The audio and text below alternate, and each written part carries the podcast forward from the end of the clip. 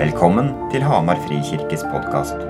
Vår visjon er å følge Jesus, dele evangeliet, samle generasjonene og bygge nye fellesskap. Les mer om oss på hamarfrikirke.no. Her er talen fra søndagens gudstjeneste. At jeg får lov å bare være nære. Det er jo et privilegium for oss at vi får lov til å være sammen med Gud. At han som har skapt oss, som kjenner oss, at han får vi lov til å ha noe med å gjøre. Og det er ikke fordi vi har gjort noe for å få det til heller. Det er fordi han har tatt oss imot. Det er et privilegium fordi det er nåde over nåde. Det er fordi Gud har handla overfor oss, at vi får lov til å være nære. Både sammen, men også alene.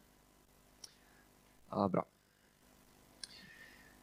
Vi bygger nye fellesskap. Det er siste ledd av vår visjon.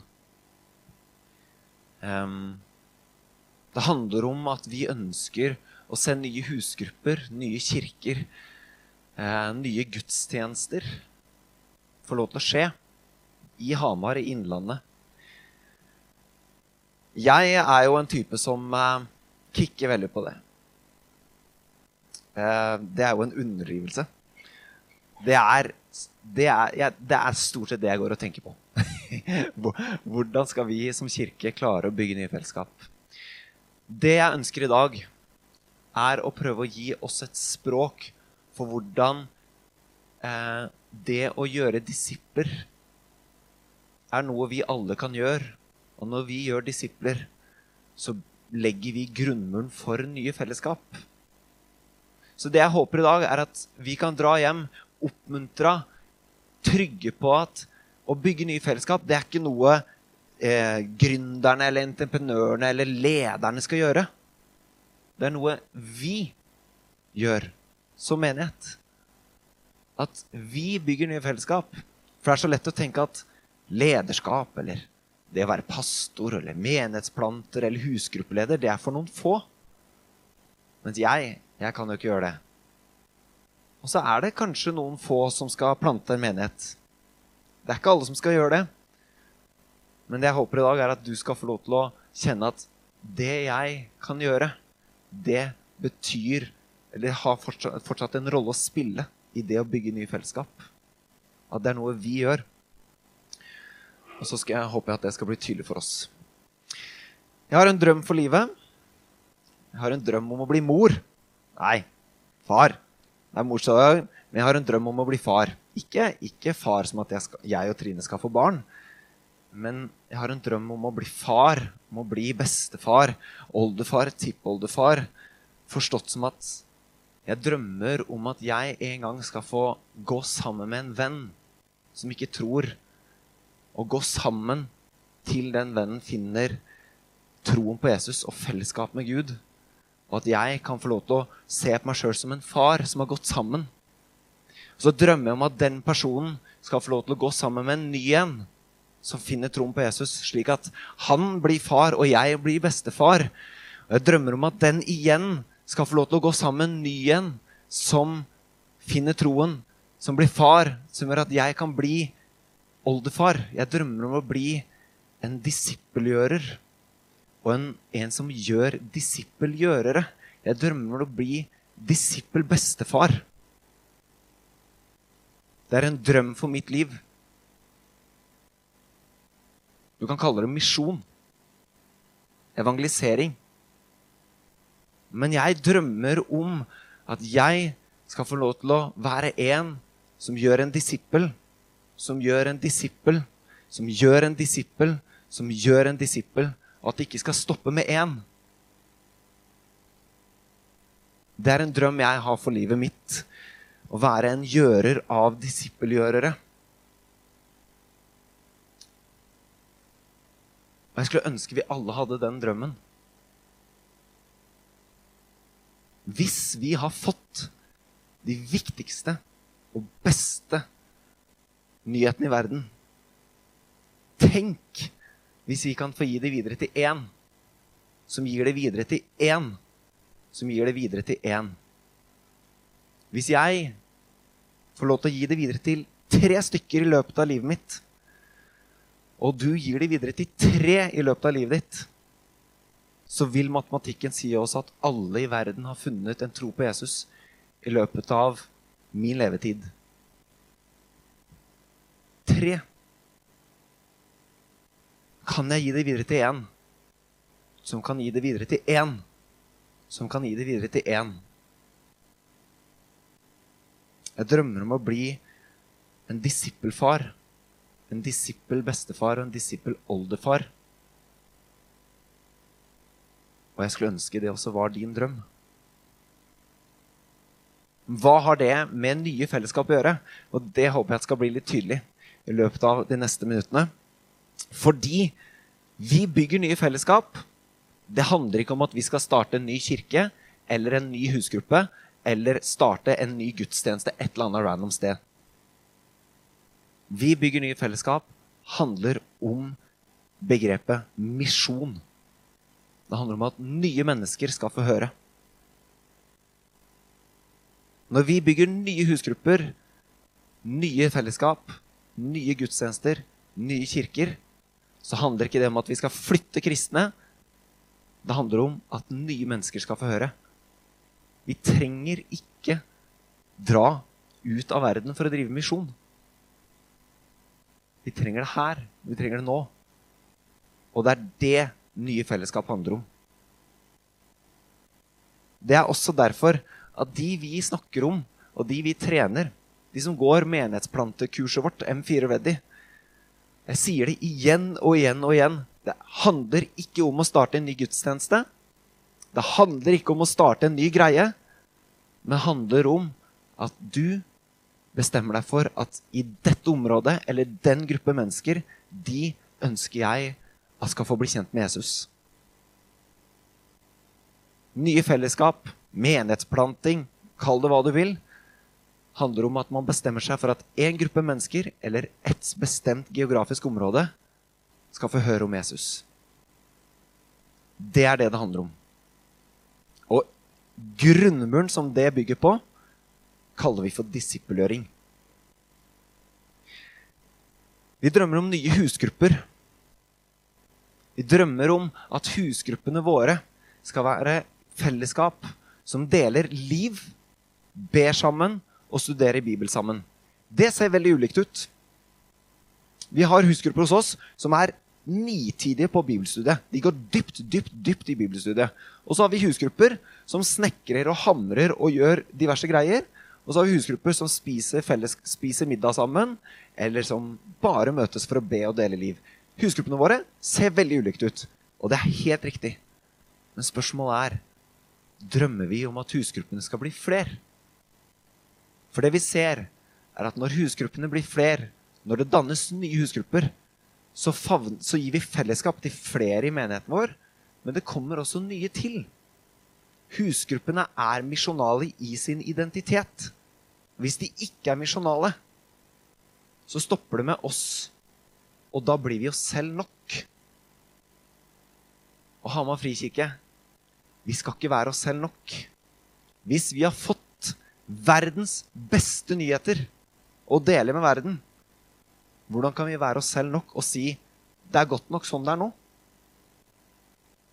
Da sier vi at nyhetene er ikke viktige nok til å deles.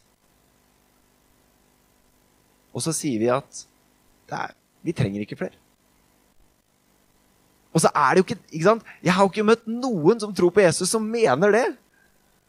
det? Det er jo Det er veldig få jeg, jeg, jeg, jeg kan liksom ikke Det er ingen som tenker sånn. Men spørsmålet er Tenker vi sånn om husgruppene og menigheten vår at vi skal vokse, at vi skal bygge nytt for at flere skal få høre? Og tenker vi det med gjerningene våre? Ikke bare med orda våre. Denne uka her, så, som har vært nå, så fikk jeg og Trine, kona mi, vi fikk mulighet til å dra på et kurs som heter Hjertefokus. Vi ble kasta rundt litt pga. eh, vår hjemmesituasjon med helse og sånne ting som har vært krevende, så fikk vi mulighet til å dra på et kurs. Og, og på det kurset her så har vi fått vaska. Vaska skikkelig. Både i tro, i sår, i historien vår. Eh, på veldig mange måter. Og grunnen til at jeg sier det, er fordi det jeg har fått høre, som jeg tror er relevant for oss å høre i dag, er hvis vi forteller oss selv en historie som blir til en løgn vi bygger livet på, så former det handlingene, og det former livet vårt mer enn det vi tror. Og jeg slipper det ut som en ball som skal få henge der. Og så skal vi plukke den ned etterpå. For spørsmålet er er det noe i vårt liv som forteller oss en løgn som gjør at vi slutter å dele. Som gjør at vi slutter å tenke nytt. Og jeg tror det er en løgn i samfunnet vårt. En kultur i samfunnet vårt som vi er nødt til å sette ord på. Som preger oss. Ok. Det var en lang introduksjon. La oss gå til Bibelen. Um, dere har kanskje hørt begrepet misjonsbefaling. Det er uh, for noen av oss kjente begreper um, som uh, setter ord på uh, kirkens oppdrag som Jesus ga. I Lukas 24, vers 47, så sa Jesus dette. Eller det ble sagt om Jesus. I hans navn skal omvendelse og tilgivelse for syndene forkynnes for alle folkeslag. Dere skal begynne i Jerusalem. Og det var Jerusalem de var i, så de skulle begynne der de var.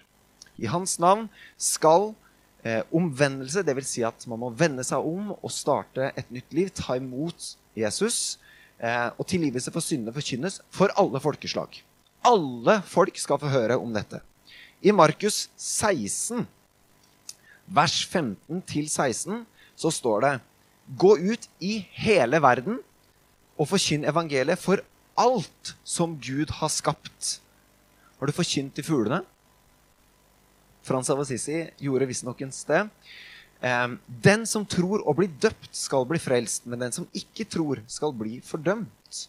I Matteus 28 så står det fra vers 19 og utover, og dette er kanskje den mest kjente misjonsbefalingen Gå derfor og gjør alle folkeslag til disipler. Døp dem i Faderens, Sønnens og Den hellige ånds navn, og lær dem å holde alt det jeg har befalt dere, og se, jeg er med dere alle dager inntil verdens ende. Disse tre ulike misjonsbefalingene uttrykker oppdraget de første kristne fikk av Jesus før han for opp til himmelen. Dere skal fortelle. Og når dere forteller, så kommer folk til tro. Nå skal dere døpe. Og når dere døper, så skal dere lære dem å holde alt jeg har befalt. Det kalles for disippelgjøring. Misjon handler om å gjøre disipler. Og oppdraget er dere skal ikke være dere selv nok. Dere skal gi det videre til alle har hørt. Vi skal være vitner om den treenige Gud. Vi skal være vitner om skapelsen. Vi skal være vitner om Jesus, hans liv, hans historie, hans død og oppstandelse. Og vi skal være vitner om Den hellige ånd, som er kraften som har tatt bolig i oss. Vi skal gjøre disipler. Det er det vi har fått beskjed om å gjøre. Det står ikke 'dere skal plante kirker'. Det står ikke 'dere skal drive med gudstjeneste'. Det står ikke 'dere skal gjøre ditt og datt og tjo og hei' som vi tror kirke handler om. Det står 'gå og fortell'. Gjør disipler. Lær dem å holde. Hva skjer når vi gjør det? Jo, da skjer kirke. Fordi de første kristne gjorde jo det. De gikk ut, fortalte, og plutselig så begynte de å feire gudstjeneste. De møttes i hjemmene, tok, deltok i nattverden. Kirke skjedde når de fortalte. Kirke skjedde når de gjorde disipler. Men vi tenker hvis vi gjør greiene, så forteller vi. Når vi feirer gudstjeneste, så gjør vi disipler. Men det Bibelen forteller oss om, er en motsatt rekkefølge. At kirken, gudstjenesten, fellesskapene skjedde når de fortalte.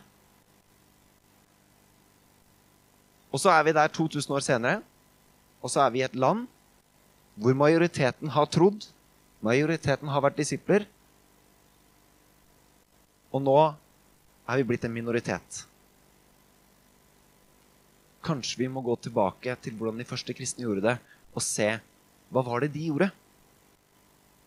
Jo, de fortalte, og så skjedde kirke. Den prosessen her, som beskrives i Matteus 28, den går gjennom to elementer. Det første er døp dem. I mai dette er, dette er godt planlagt. I mai så skal jeg snakke om dåpen. Og så har vi invitert Ulf Asp, som skal snakke om nattverden. Og så skal vi ha en Q&A, en panel, spørsmålsrunde, hvor vi skal mulig åpne rommet for spørsmål rundt dåp og nattverd. Fordi det er ikke lett å forstå hva det betyr. Så jeg skal ikke snakke så veldig mye mer om dåpen nå. Men det det står, er gå og gjør alle folkeslag til disipler. Kolon døp dem. Det gir ikke mening å være disippel uten å være døpt. Kanskje jeg skal stille spørsmålet annerledes. Kan du være disippel uten å være døpt? De fleste vil jo si ja. Du må tro. Men det jeg ser her, i, i, i Lukas, så er det de som tror og blir døpt. I Markus så snakkes det om forkynnelse. I Matteus så står det ingenting om troen i misjonsbefalingen. Det jeg hører, er tro og dåp. Begge sider av samme mynt. Men det gir ikke mening å være, snakke om disippelgjøring uten dåp. Og så skal jeg si masse mer om det i mai. Så er det en cliffhanger som dere kan glede dere til. Um, jeg skal bare ha en studiepermisjon først og lese meg opp. Jeg skrev, jeg skrev, jo masteren min om dåp, så jeg har, jeg har jobba masse med dåpsspørsmålet. Og har forståelse for at det er vanskelig. Vi skal døpe dem. En disippel av Jesus er døpt. Ferdig. Og det mener jeg. En disippel av Jesus er døpt. Så hvis du er her og ikke er døpt, kom til meg, så tar vi en prat om det. Um, og så skal vi få døpt dere. Uh, det andre er lær dem å holde. Det er det, andre elementet i prosessen. Det er det mange av oss kaller for helliggjørelse. Eller som vi snakka om for noen uker siden, å utruste de hellige til tjeneste. Og dette er jo en prosess. ikke sant? Lær dem å holde en kontinuerlig prosess av å lære. Av å lære om Jesus, lære Jesus å kjenne, lære å leve det livet Jesus ville at vi skulle leve. Vokse i tro. Disippelgjøring er en prosess som inneholder dåp, tro og å lære. Det er det disippelgjøring er en prosess på. Misjonsbefalingen er kirkens kall til å gjøre disipler. Og den er gitt oss alle. Jeg drømmer om å bli en som gjør disippelgjørere. Dette er grunnmuren for nye fellesskap. Disipler som gjør disipler. Og de av dere som har vært på Freak ungdomsarbeidet, gjenkjenner visjonen til Freak. Det er veldig spennende at ungdomsarbeidet vårt har det som visjon. Disipler som gjør disipler. En kirke uten vegger. Og la meg være litt, være litt ærlig nå. Fordi i mine øyne så er det et stort men i lufta. Og her kommer det som man kan kalle en løgn eller en kultur i samfunnet vårt. Spesielt i, i Norge, ville jeg sagt. Ja, ja, Erik.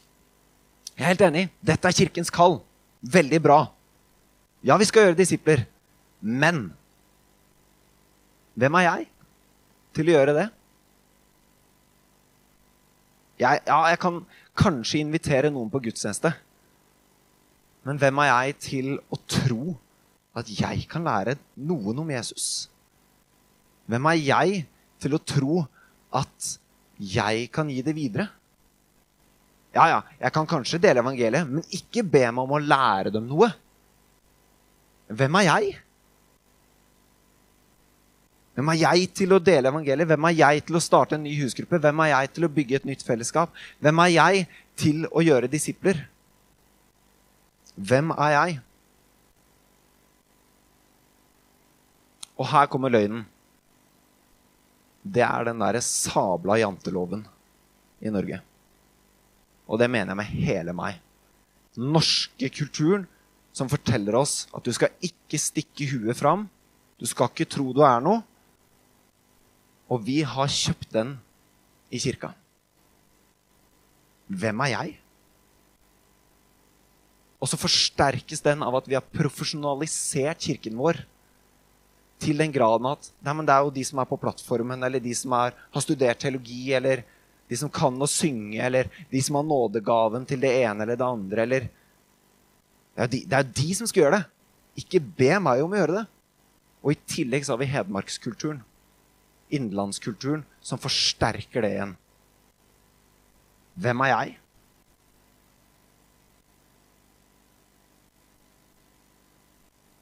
Det der, hvis jeg kan få bruke et litt hardt ord, det er bullshit. Det var, takk. Det var en god effekt. Men det er en løgn.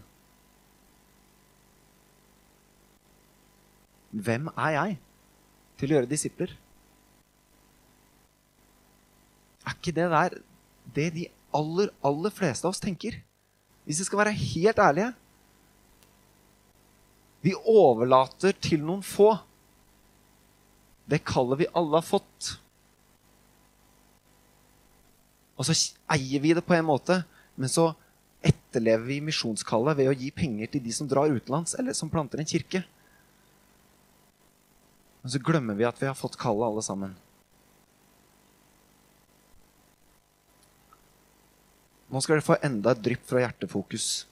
For hvis vi skal koke dette helt ned, så handler det om tanken om at jeg er ikke god nok til å gjøre disipler eller dele evangeliet. Jeg er ikke nok. Og det er én ting vi har lært på Hjertefokus den siste uka, Marit, så er det at den tanken, det er en løgn.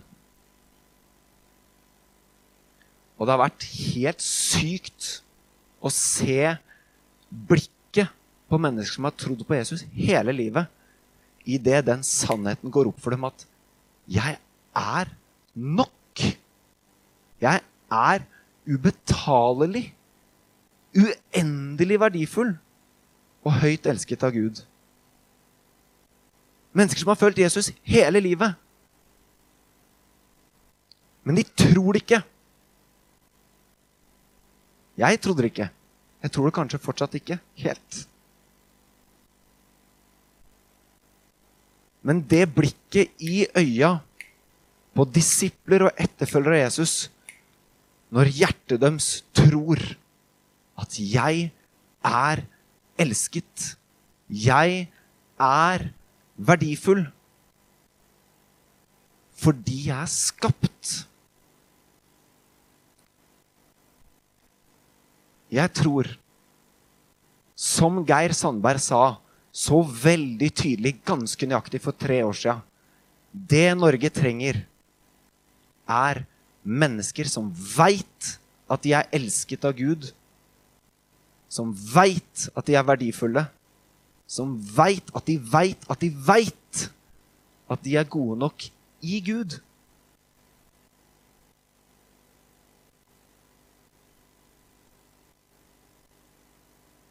Hvem er jeg? De andre er bedre. Hvem er jeg? Jeg kan ikke nok.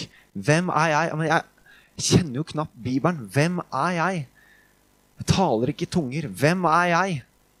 Så kommer alle spørsmålene vi stiller oss sjøl, som forteller oss at jeg er ikke nok til å gjøre disipler. Det overlater jeg til de som kan greiene.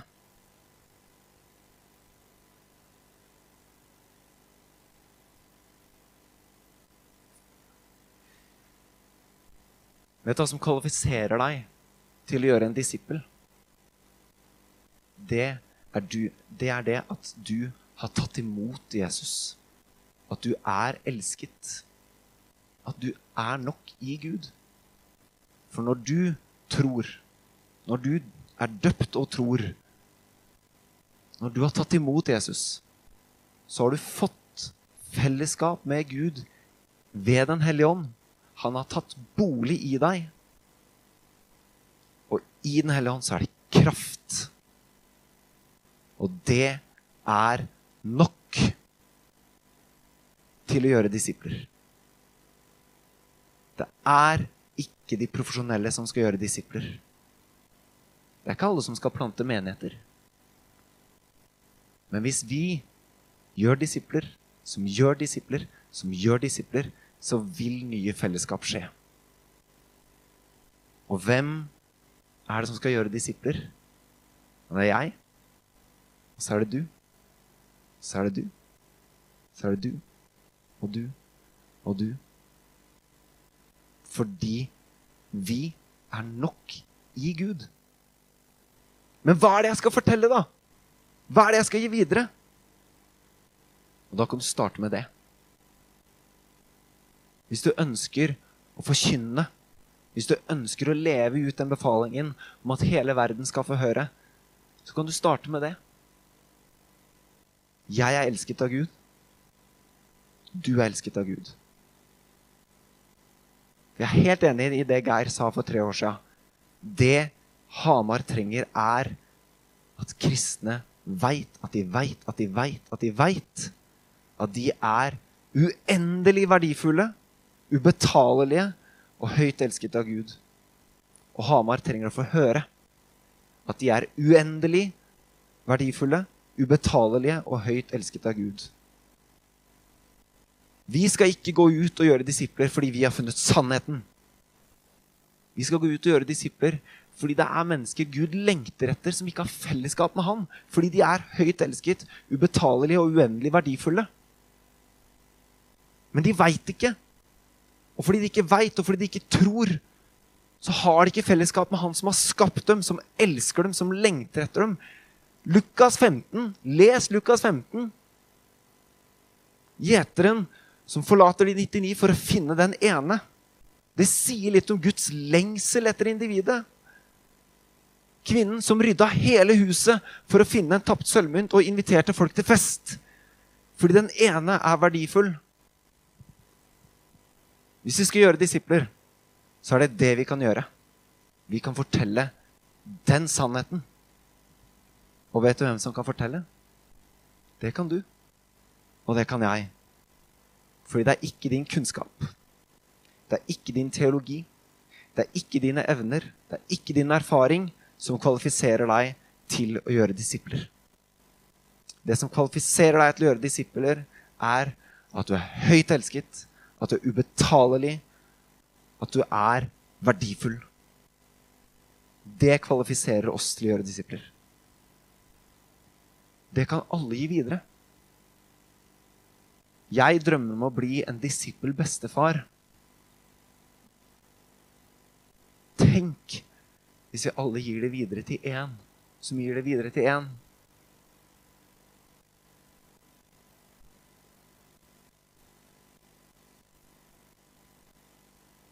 Fortell til deg selv og til dine venner den sannheten. Så tror jeg det kan skape et fabelaktig grunnlag for å gjøre nye disipler. For å gjøre nye fellesskap. Janteloven, det er noe herk på veldig mange nivåer i samfunnet vårt. Kan vi ikke bare si det skal vi ikke ha i kirken vår? Kan vi ikke bare bestemme oss for det og si til Gud vet du, vi vil ikke ha det. Vi skal være ærlige med våre styrker og svakheter. Det er veldig mye jeg ikke skal gjøre. Og så er det noe jeg kan gjøre. Fordi jeg er god på det. Det er veldig mye du, vi, skal gjøre eller ikke gjøre. Men kallet om å gjøre disipler har vi alle fått. Tenk hvis vi hadde gitt det videre til én som faller videre til én. Vi skal straks gå inn i nattverden. Um, en av de tingene vi har lært på Hjertefokus, er at løgn det er også noe vi må be om tilgivelse for. Fordi vi tror ikke Guds sannhet om oss. For meg så var det nytt. Jeg har studert teologi i seks år og lest fryktelig mye teologi. Og det var nytt for meg. At når jeg ikke tror det Gud sier om meg, så er det en løgn. Nattverdsmåltidet som vi skal feire sammen etterpå, det er et nådemåltid. Kanskje du skal få komme fram og ta imot nattverden og gjøre det og si til Gud dette, Tilgi meg for at jeg ikke har trodd at jeg er nok. Tilgi meg for at jeg har snakka ned om meg sjøl. Tenkt ned om meg sjøl. Kanskje du skal få lov til å komme til nattverden og ta imot Jesus. Og si vet du, jeg vil tro på deg, jeg vil ha fellesskap med deg. Kanskje du skal få ta imot nattverden bare fordi du trenger trøst og styrke. Fordi alle som tror og ønsker å ha fellesskap med Gud, er invitert til nattverdsmåltidet. For det er ingen av oss som er kvalifisert. Men vi er alle elsket. Og fordi vi er elsket, så kan vi få ta imot nåde. Og med det kraft til å leve etter Guds vilje.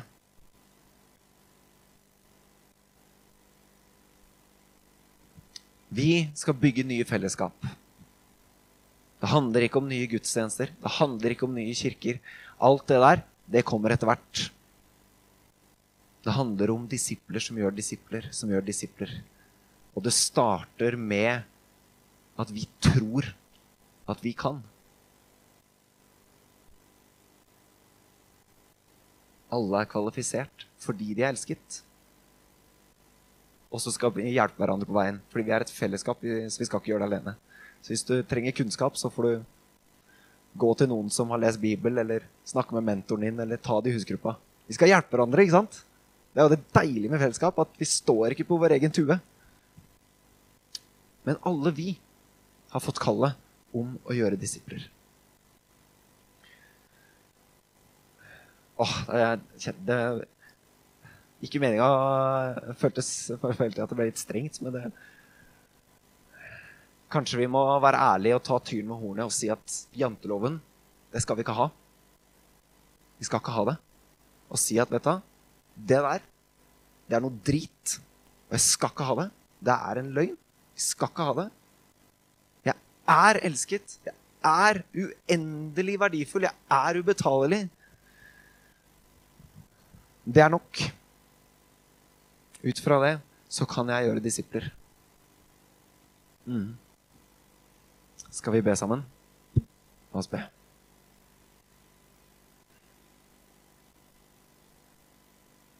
Takk for at vi får lov til å bare være nære deg, Gud. Takk for din nåde og godhet over våre liv. Takk for det du gjorde på korset, Gud. Takk for din død oppstandelse.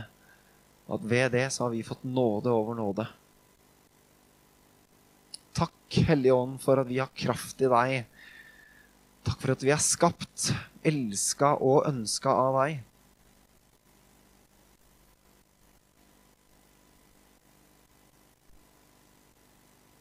Takk for at vi er nok i deg. At ved å tro på deg, så har vi fellesskap med deg. Og fellesskap med hverandre. Kjære Gud, vi sier nei til samfunnet og den, den historien vi tror på om at vi ikke skal stikke oss fram, og vi skal ikke tro vi er noe. Vi, den løgn om at vi ikke er nok. Og Vi ber om tilgivelse for det, Gud, og vi vender oss vekk fra det og sier La oss få tro på den sannheten om at vi er skapt, elsket og ønsket av deg. Og det kan vi leve på. Det kan vi bygge på. Både som fellesskap og som individer.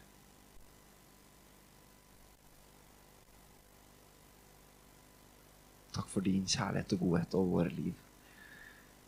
Amen. Amen. Thank you.